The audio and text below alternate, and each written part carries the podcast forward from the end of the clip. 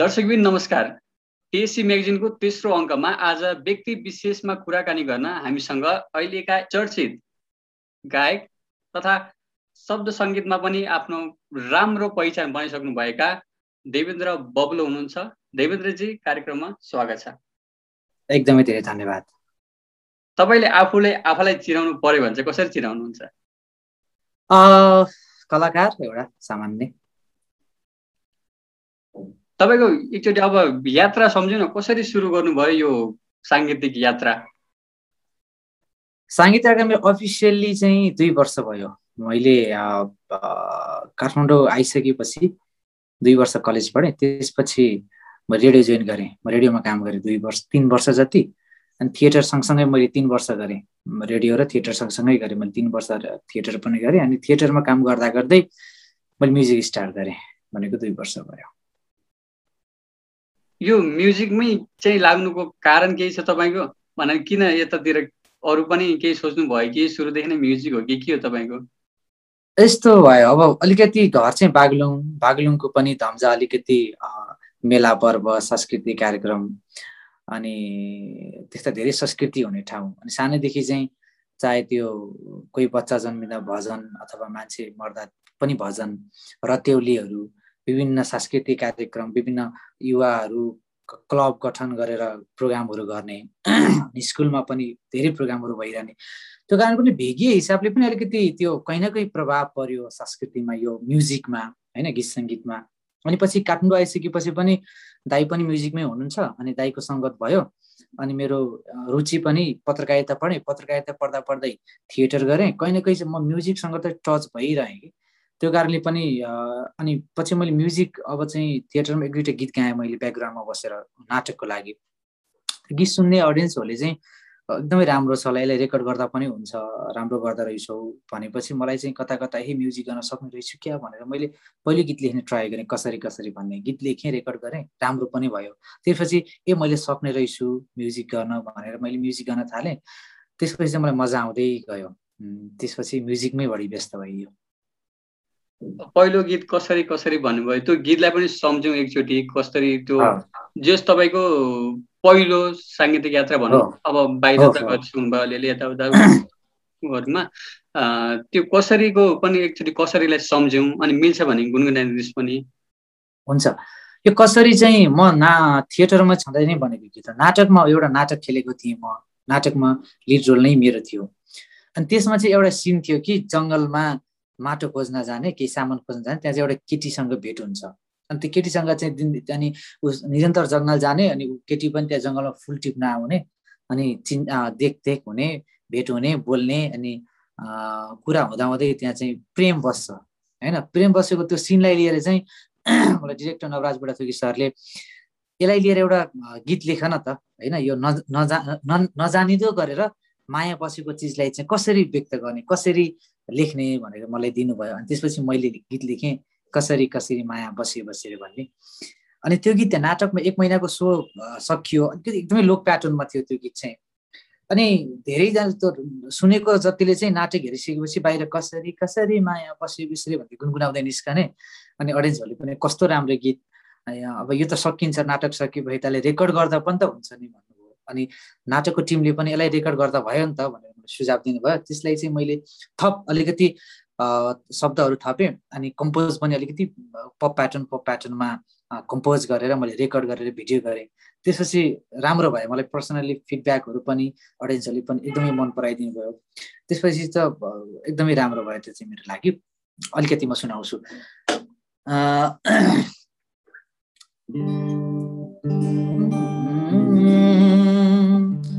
डाँडामाथि घामा पुग्यो।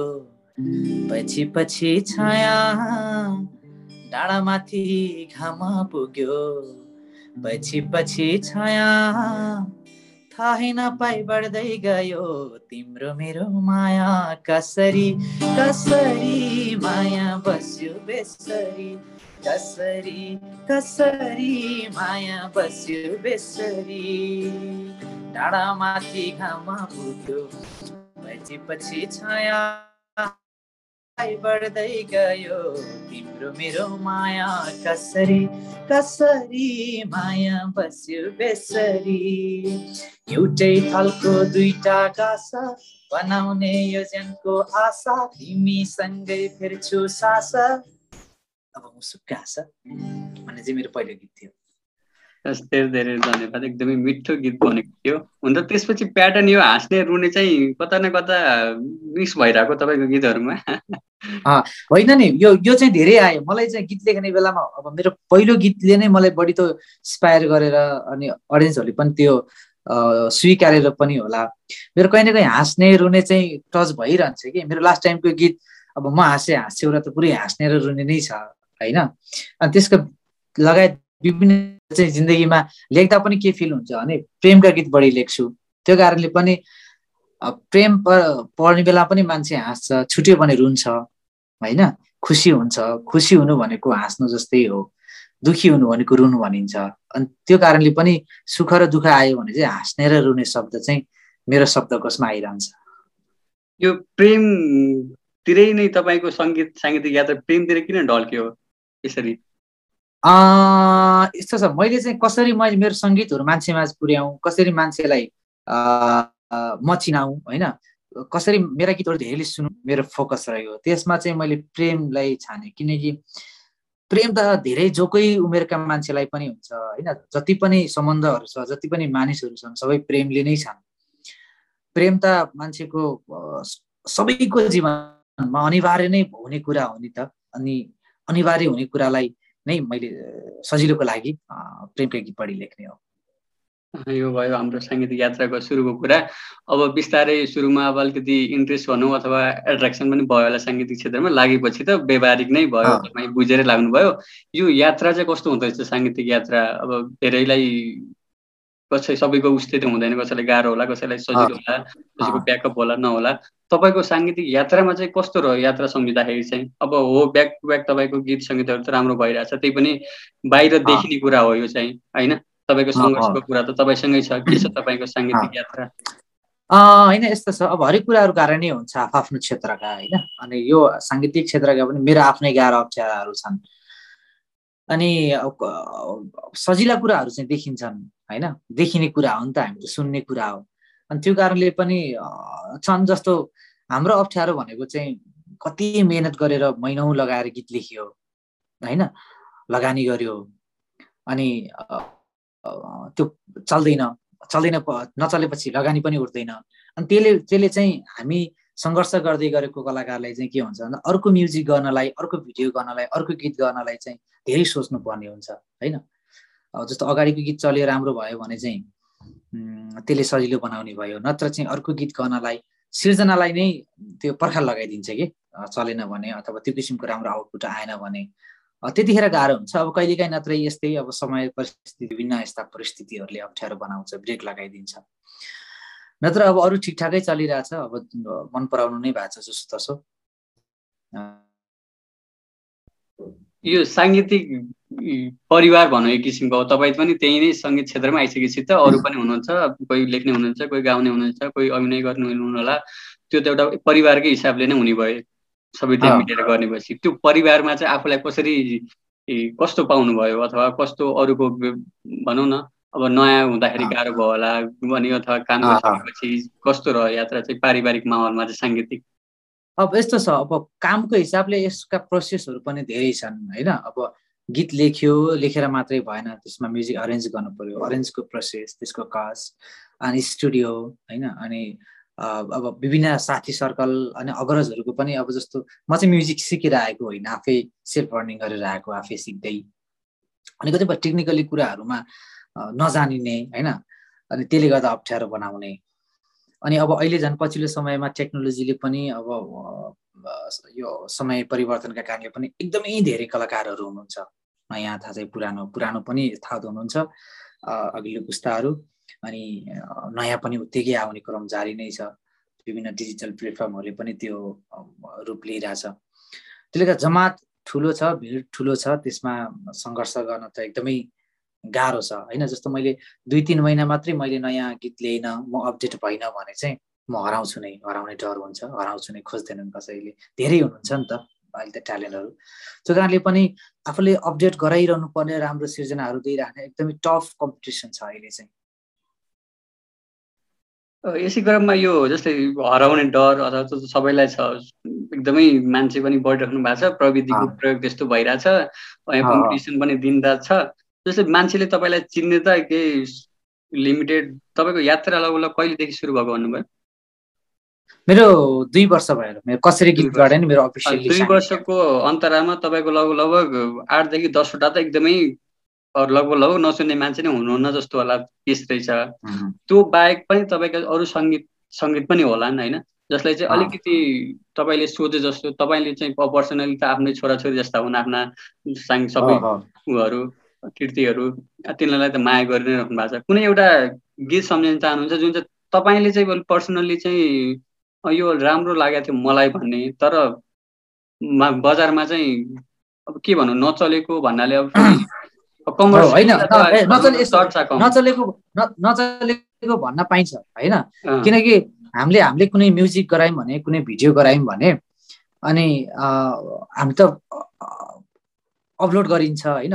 मतलब छोडिन्छ नि त होइन। सबैको लागि ल त सबैको लागि भनेर दिइन्छ त्यो त्योमा अहिले त मापन भनेको भ्युज हो होइन? भ्युज गएन भने चाहिँ त्यो नचलेकै हो कि? मतलब मान्छेले त्यसलाई कहीँ न कहीँ रूपमा चाहिँ त्यो मान्छेलाई रिलेट भएन मान्छेले त्यो सुन्न सुनिराखेनन् होइन? त्यही चाहिँ यो कुरा चाहिँ एकदमै चलेन भने चाहिँ चलेन नै चलेन नै हुन्छ। अहिले त चल्नु नचल्ने नै हुन्छ नि त। जस्तो अहिले त धेरै छन् मान्छेले अप्सन छ कि? मेरो गीत राम्रो भएन मजा आएन भने अर्को गीत सुन्न पाउँछ होइन? अनि त्यसको त्यो भयो भने मेरो चलेन। मलाई लास्ट टाइम चाहिँ मलाई मेरो दुइटै प्रोजेक्ट मलाई एकदम माया लाग्यो। लास्ट टाइमको मायाले नि के के गर्छ गर्छ भन्ने थियो। त्यो गीत मलाई एकदमै माया लागेको नचलेकोमा। अथवा जति मैले अपेक्षा गरेको थिएँ त्यति पुगिन मान्छे माझ। त्यो गीत चाहिँ मलाई एकदमै लोभ लाग्छ। त्यसपछि त्यसपछि मा मायालु भन्ने थियो। त्यो पनि मलाई लोभ लागे गाना हो। हुन त सबै लोभ लाग्छन् आफ्नो तर मलाई मायाले नि के के गर्छ गर्छ नचल्नुमा चाहिँ अलिक बढी नै मलाई अलिक पीडा छ। त्यो चाहिँ एकदमै धेरै अगाडि लेखेको गाना हो भने पछि चाहिँ यसलाई निकाल्नु पर्यो भने मैले हर्क साहब दाईलाई पनि शब्द लेख्न दिएको थिएँ। दाइले र मैले मिलेर लेखेको गाना हो। एउटा चाहिँ भर्खर प्रेममा परेका गाउँले केटाकेटीको प्रेम थियो। भोग्ने गयो कता कता रुन्छु यति यति निद्रा पनि रातैभरि लाउन सिति मिति मुटु पनि कहिले यता कहिले उता सर्छ। सम्हालिदेऊ अब योजन तिम्रै लागि मर्छ मायाले नि के के गर्छ गर्छ मायाले नि के के गर्छ गर्छ मायाले नि के के गर्छ गर्छ भन्ने तपाईँको यो अभिनय पनि छ साङ्गीतिकमा शब्द सङ्गीत शब्द स्वर सबै छ। किन एकदमै अर्ग्यानिक भेटिन्छ नि तपाईँको? किन त्यो भन्नाले तपाईँले त्यतातिर ध्यान दिनुभएको हो कि जे छ त्यही नै गरौँ भनेर हो कि कि सिकेरै अर्ग्यानिक दिन कोसिस गर्नुभएको? होइन म जानेकै त्यही हो सायद होइन? म धेरै समय गाउँमै बिताइयो होइन? अनि पश्चिम बागलुङमै बिताइयो। अनि कामले आइसकेपछि नि दुई चार वर्ष पढ्यो त्यसपछि थिएटरतिर थिएटरतिर पनि अक्सर उतैका संस्कृतिहरू नाटकहरू अर्ग्यानिक नाटकहरू गर्न मन पराउने। अनि अब अलि अलि अलि फरक केही गरौँ न त अलि यताको संस्कृति अथवा अरू अलिकति सहरी प्रवेशको गानाहरू पनि गरौँ भने कहिले काहीँ ट्राई पनि गर्छु तर मलाई आफैमा त्यो कन्फिडेन्ट आउँदैन कि। म त गर्दै जाँदा पनि कता कता कताबाट चाहिँ उतै टच भइहाल्छ। अनि फेरि मेरो मेरो शैली बोल्ने शैली जहाँसम्म लाग्छ मेरो लाइफ स्टाइल मेरो सोचाइ पनि अझै पनि मेरो त्यही भेगकै छ। अनि मैले गर्ने सिर्जनाहरूमा त्यो गन्ध आउँछ नि। मलाई मजा पनि आउँछ त्यो गर्न। चाहिँ यो अब साङ्गीतिक क्षेत्रलाई बुझ्दाखेरि चाहिँ हुन त अब तपाईँको यात्रा चलि नै रहेछ भर्खर भर्खरै भन्नुभयो। त्यस्तो टिप्पणी नै गर्नुपर्ने बेला त भइसकेको छैन होला। त्यही पनि आफ्नो पर्सनल अनुभवमा चाहिँ तपाईँलाई यो साङ्गीतिक क्षेत्र के भइरहेछ अथवा कस्तो हुँदैछ के लाग्छ तपाईँको अनुभव चाहिँ तपाईँले सोचे अनुसार एकदमै तपाईँको व्यक्तिगत विचारमा चाहिँ है? होइन अब सायद मैले जानेको यस्तै यस्तै कुरा हो होइन? मैले चाहिँ जानेकै कलाकारिता नै रहेछ म्युजिक नै रहेछ होइन? अनि अलिकति अभिनय। अनि अब चाहिँ मैले यसो सोच्दा पनि मैले चाहिँ अब जीवनमा खास अरू म यो छोडेर अरू केही गरौँ भने पनि त्यो मनले पनि मान्दैन म जान्दिनँ पनि होइन? अब मैले यो यो क्षेत्रबाट भए पनि नभए पनि सके पनि नसके पनि अब लङ लास्टिङ यहीमै हिँड्छु होला। अब त्यति हो मैले अहिलेसम्म मैले अनुभव गरेको होइन? अब अरू उता चढावहरू त अझ धेरै आउन बाँकी होला तर निरन्तर चाहिँ मेरो यही नै हो यो बाहेक मेरो अरू खास त्यस्तो क्षमता रुचि छैन। यो नयाँ आउनेलाई चाहिँ कस्तो छ वातावरण? यसमा बसेर अब बेसिक निड भनौँ न अब त्यो लग्जरियस कुरा नगरौँ। सङ्गीत क्षेत्रमा लागिसकेपछि चाहिँ बेसिक निड्सलाई पुरा गर्नलाई चाहिँ के छ? अहिले पहिलाभन्दा पहिला त प्र्याक्टिस नभए पनि तपाईँले सुनिरहेको कुरा हो नि त। सङ्गीत क्षेत्रले गाह्रो छ। सङ्गीत गरे पनि काम के गर्ने? अथवा गुजारा केले चलाउने भन्ने खालको अवस्था पनि थियो। हाम्रै हामी हुँदाखेरि नै कुरा हो त्यो? त्योदेखि अहिलेसम्म त सङ्गीत क्षेत्रमा लागेर राम्रो गरे भने पनि हुनुहुन्छ नि त। तपाईँलाई चाहिँ कस्तो हुनुभयो यसमा चाहिँ? होइन अब अब अहिले धेरै सजिलो छ। अलिकति क्षमता हुने मान्छेलाई चाहिँ प्रविधिको कारणले पनि धेरै अवसरहरू छ। जस्तो कसैमा राम्रो गाउने क्षमता राम्रो लेख्ने क्षमता राम्रो बोल्ने क्षमता छ भने उसले मोबाइलमा यसो रेकर्ड गरेर मात्रै अपलोड गर्यो भने पनि उसलाई धेरै अवसरहरू आउँछ। धेरै उसले अवसरहरू पाउँछ कि माथि मान्छे माझ पुग्छ होइन? उसले आफ्नो क्षमता अभिव्यक्ति गर्ने माध्यममा सजिलो छैन होइन? अथवा रेकर्डिङकै कुरामा पनि अहिले स्टुडियोहरू धेरै छन् इजी छन् जुन जस्तो स्टुडियोमा गर्छु भने पनि हुन्छ। अनि त्यो आफ्नो एउटा सिर्जना निकालिसकेपछि अथवा युट्युब लगायत धेरै प्लेटफर्महरू छन् त्यहाँबाट राम्रो इन्कम हुन्छ राम्रो भयो भने होइन? अनि प्रोग्रामहरू भइरहेको राम्रो छ अलिकति क्षमता अलिकति बुझेर होइन? अब अहिले चाहिँ के छ एउटा के चाहिँ छ भन्दा जस्तो एउटा मात्रै थोक गरेर चाहिँ अलिक गाह्रो हुन्छ कि भन्ने चाहिँ मलाई अनुभव जस्तो गाह्रो मात्रै मात्रै नहुने जस्तो देखिरहेछ होइन? लेख्न पनि अलिकति जान्नुपर्ने कम्पोज पनि गर्न जान्नुपर्ने यति धेरै भिड छ धेरै थरीका क्षमतावान मान्छेहरू छन्। त्यही भएर कैनिकको रूपमा विभिन्न लेखनलाई कम्पोजलाई गायनलाई अलिकति भिडियो कन्सेप्टलाई अलिकति थोरै बुझेर आयो भने चाहिँ आफूलाई इजी हुन्छ सायद। तपाईँको यस विशेष समयको लागि धेरै धेरै धन्यवाद देवेन्द्रजी। आगामी दिनको लागि हाम्रो सम्पूर्ण टिमबाट तपाईँलाई शुभकामना। हस् एकदमै धेरै धन्यवाद।